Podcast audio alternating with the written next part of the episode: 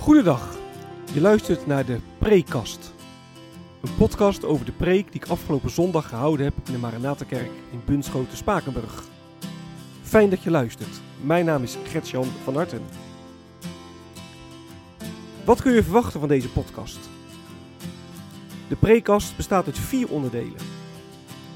Ik begin met een korte introductie van de tekst waarover ik gepreekt heb. Vervolgens geef ik een korte samenvatting van de preek zelf. En met korte samenvatting bedoel ik ook echt kort. Tijdens mijn opleiding heb ik geleerd dat preken schrappen is. Niet alles wat je in de voorbereiding gevonden en bedacht hebt, kan terugkomen in de preek. Wat heb ik laten liggen wat het overdenken wellicht waard is? Daar wil ik het over hebben in het derde deel van de preekkast. En tenslotte sluit de preekkast af met een aantal verwerkingsvragen. Vragen die je kunnen helpen om de preek te overdenken en of toe te passen. Ik wens je veel luisterplezier.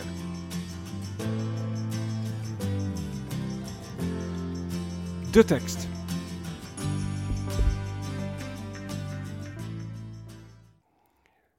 Afgelopen zondag was het de eerste Adventszondag.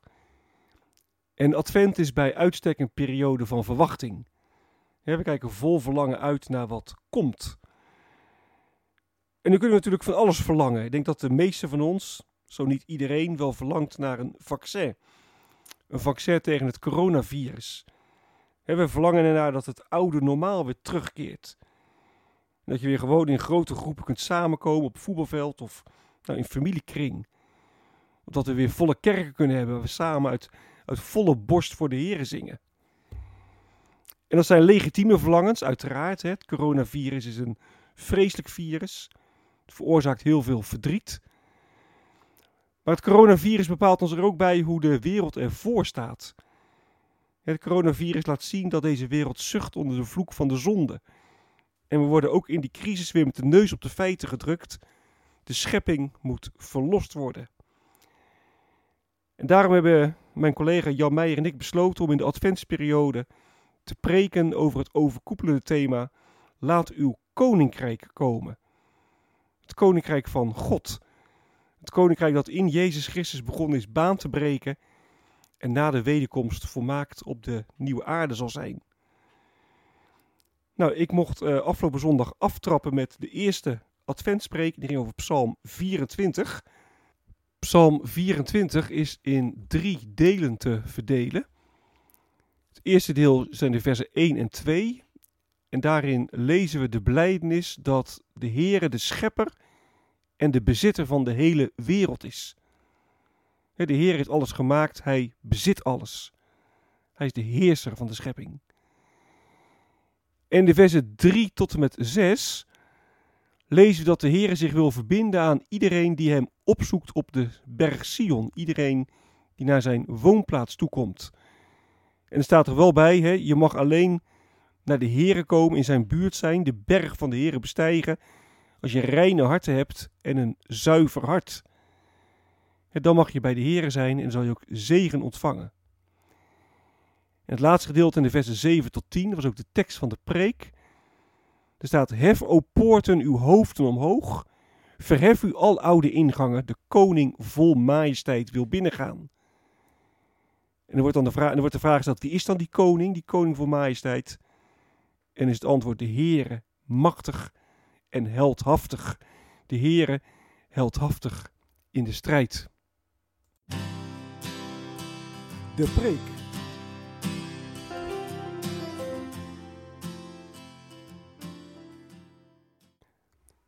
Psalm 24 is uh, heel waarschijnlijk geschreven vanwege het feit dat de ark van het huis van Obed-Edom uh, naar Jeruzalem gebracht werd. En de heren die, die troonde op de ark, dus toen de ark Jeruzalem binnenkwam, toen kwam als het ware de heren de stad binnen. Nou, om in de stad te komen moest de ark door een poort. En de psalm die roept de stadspoorten op om hun hoofden omhoog te heffen. Nou, dan moet je weten hoe, een, poort, een poort eruit zag in die tijd. Kijk, je had natuurlijk geen asfaltwegen of uh, mooie klinkenwegen zoals wij het vandaag hebben.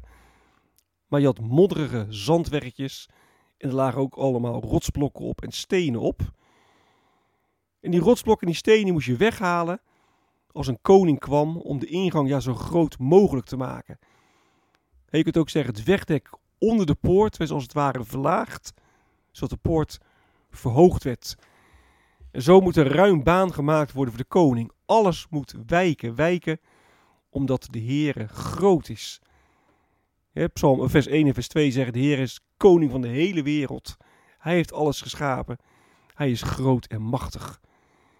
En daarom moeten zelfs de aloude ingangen hun uh, hoofden omhoog heffen. Aloude ingangen staat er in vers 7 en ook in vers 9.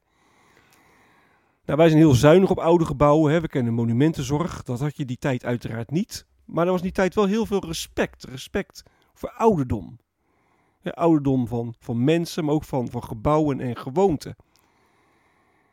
En Psalm 24 zegt, nou die doorgang van die oude poorten moet worden aangepakt. De ouderdom ten spijt.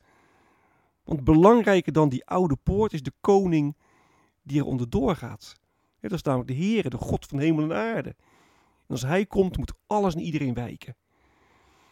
Kijk, het koninkrijk van God is belangrijker dan, dan ouderdom. Het is ook belangrijker dan tradities.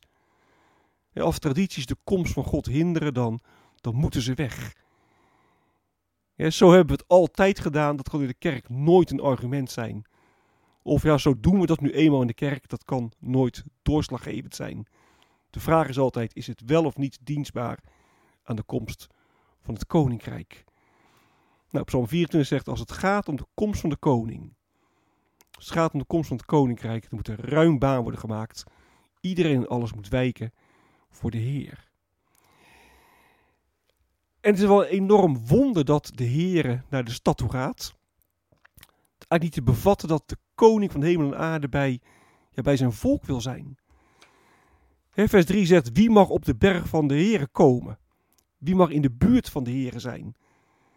En staat er, ja, wie reine harten en een zuiver hart heeft. Ja, alleen dan kun je bij God in de buurt komen. Maar ja, dat is eigenlijk onmogelijk. Er is geen mens die kan zeggen ik heb reine handen. Er is geen mens die kan zeggen ik heb een, ik heb een zuiver hart.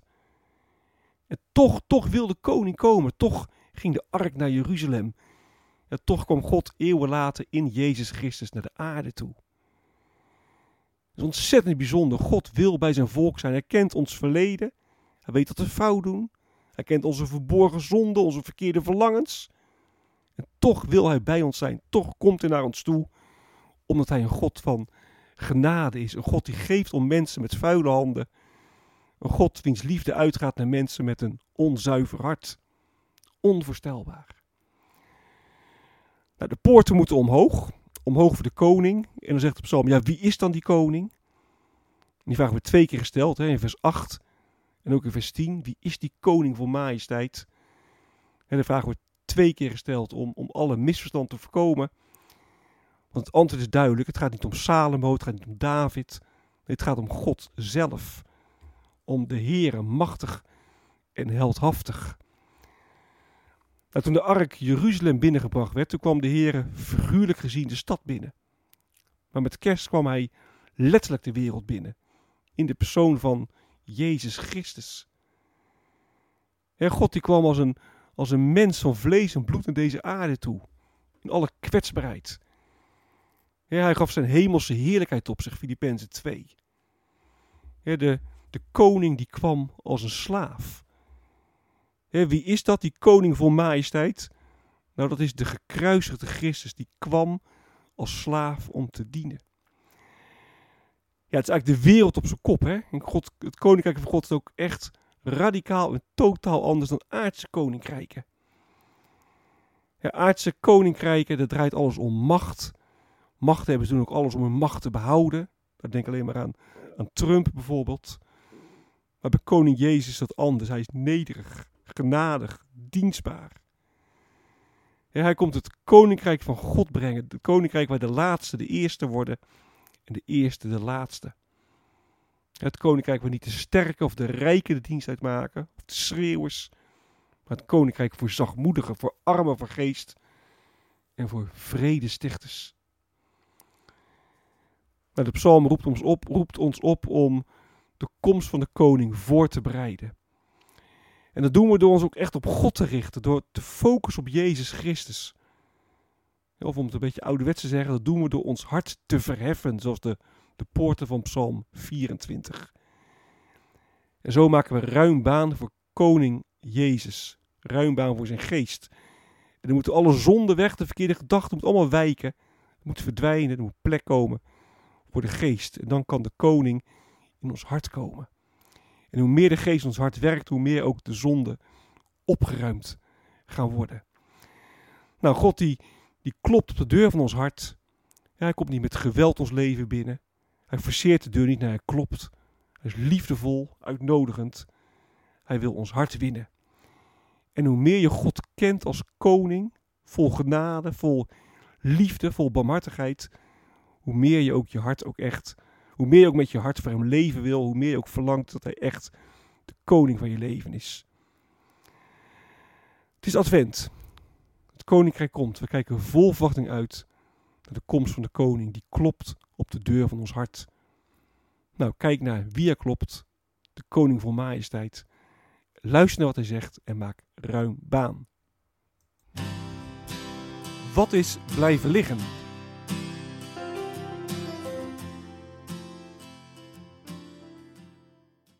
Dit keer wil ik een tweetal punten noemen. En het eerste is iets waar ik de laatste tijd vaker bij bepaald word. Wat ik ook wel vaker heb aangegeven in de podcast. Dat is blijven liggen. Dat is ook wellicht een signaal dat het goed is om een keertje apart aandacht aan te besteden. Maar dat is het feit dat uh, Psalm 24 in vers 1 en 2 zegt: hè, de, de aarde is van de Heer. De Heer heeft alles gemaakt. En heel de aarde behoort hem dus ook toe. Nou, wat betekent dan voor, hoe je omgaat met die aarde? Ik las in een uh, boek te voorbereiding deze preek.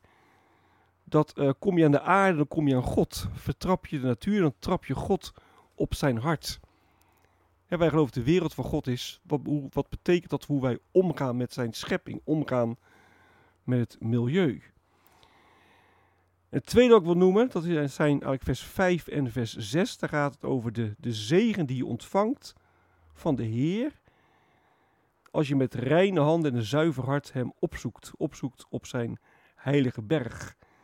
Nou, daar heb ik in de preek verder niks over gezegd. Maar wat betekent het dan dat je zegen ontvangt? Wat moet je dan voorstellen? Je krijgt ook recht van God. Hebben wij dan rechten? Hoe, hoe zit dat dan?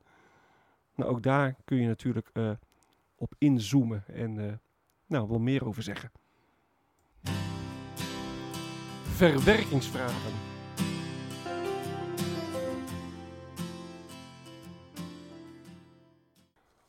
Op het uh, preekblad dat je in de app van de Maranatenkerk kunt terugvinden, of op mijn site, even googelen, preekblad Gertjan van Harten. Daar heb ik weer een aantal vragen uh, opgeschreven. En de eerste vraag is, in hoeverre ben jij echt voorbereid op de komst van de koning? Op de komst van Gods koninkrijk? Psalm 24 roept ons op om ons voor te bereiden, maar ben je ook echt voorbereid? En waar blijkt dat dan uit? Waar kun je het aan zien? Nou, de poorten moeten zich verheffen, hè? alles moet wijken, wijken voor de koning. Wat moet er uit jouw leven verdwijnen voor de komst van de Heer? Dat is ook een vraag wat, goed, wat wel goed is om daarover na te denken. En dan kan voor iedereen weer een ander antwoord op leven natuurlijk. Maar wat moet er nou in jouw leven anders worden, anders gaan? Nou, het is advent. Advent, hè, een tijd van, van, van vol verwachting uitkijken naar. Waar kijk jij nou vol verwachting uit? Waar verlang jij naar? En de laatste vraag. Gods koninkrijk is totaal anders dan aardse koninkrijken. Wat betekent dat voor hoe wij in het leven staan? Ook een vraag wat goed is om elkaar over door te spreken. We geloven in Gods koninkrijk, de wereld op zijn kop. Een koninkrijk voor vredestichters, voor armen van geest. Nou, wat betekent dat dan voor hoe we in het leven staan? Dit is het einde van de prekast. Mocht je vragen of opmerkingen hebben, dan kun je me mailen op mailadres van hartengretjan.gmail.com van hartengretjan.gmail.com Ik wens je nog een hele prettige dag. Hartelijk dank voor het luisteren En wie weet, tot een volgende keer.